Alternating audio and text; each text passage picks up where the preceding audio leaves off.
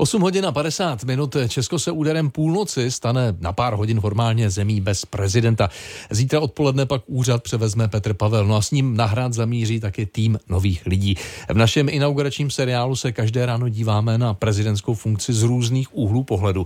Dnes tedy přesně přes prezidentské týmy. Ve studiu se mnou teď raní tým Viktor Daněk a Iveta Vávrová. Dobré ráno. Hezké ráno. Dobré ráno. Iveto, připomeň nejdřív, kdo byli klíčoví lidé, kteří v prezidentské funkci provázeli Miloše Zemana. Tak především to byl kancléř Vratislav Minář, který se Zemanem úzce spolupracoval ještě před jeho zvolením prezidentem. Po celou dobu ho ale provázely kauzy, ať už to byla chybějící bezpečnostní prověrka nebo trestní stíhání kvůli dotaci na penzion v Osvětimanech. A věnuje se tomu i dnešní vysílání podcastu Vinohradská 12.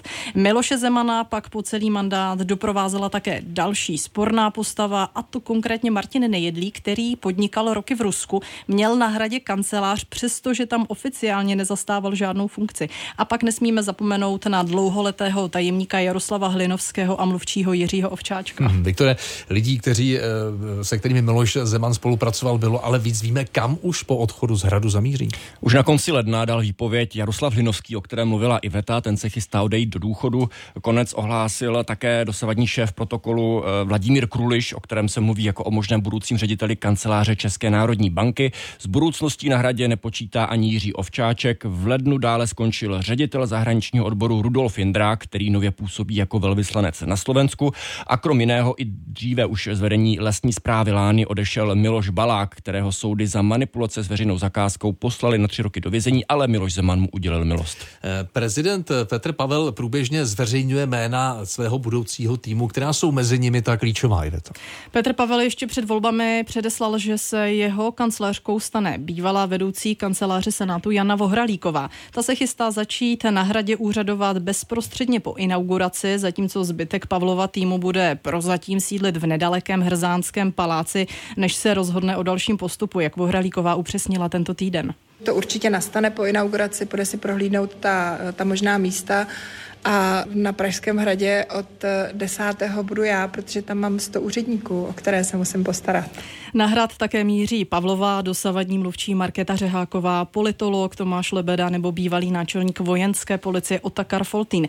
Šéfem zahraničního odboru se pak stane diplomat Jaroslav Zajíček. Protokol povede dosavadní velvyslanec v Bělorusku Tomáš Pernický a post bezpečnostní ředitelky obsadí Madla Princová, která až do roku 2021 působila ve vedení civilní rozvědky.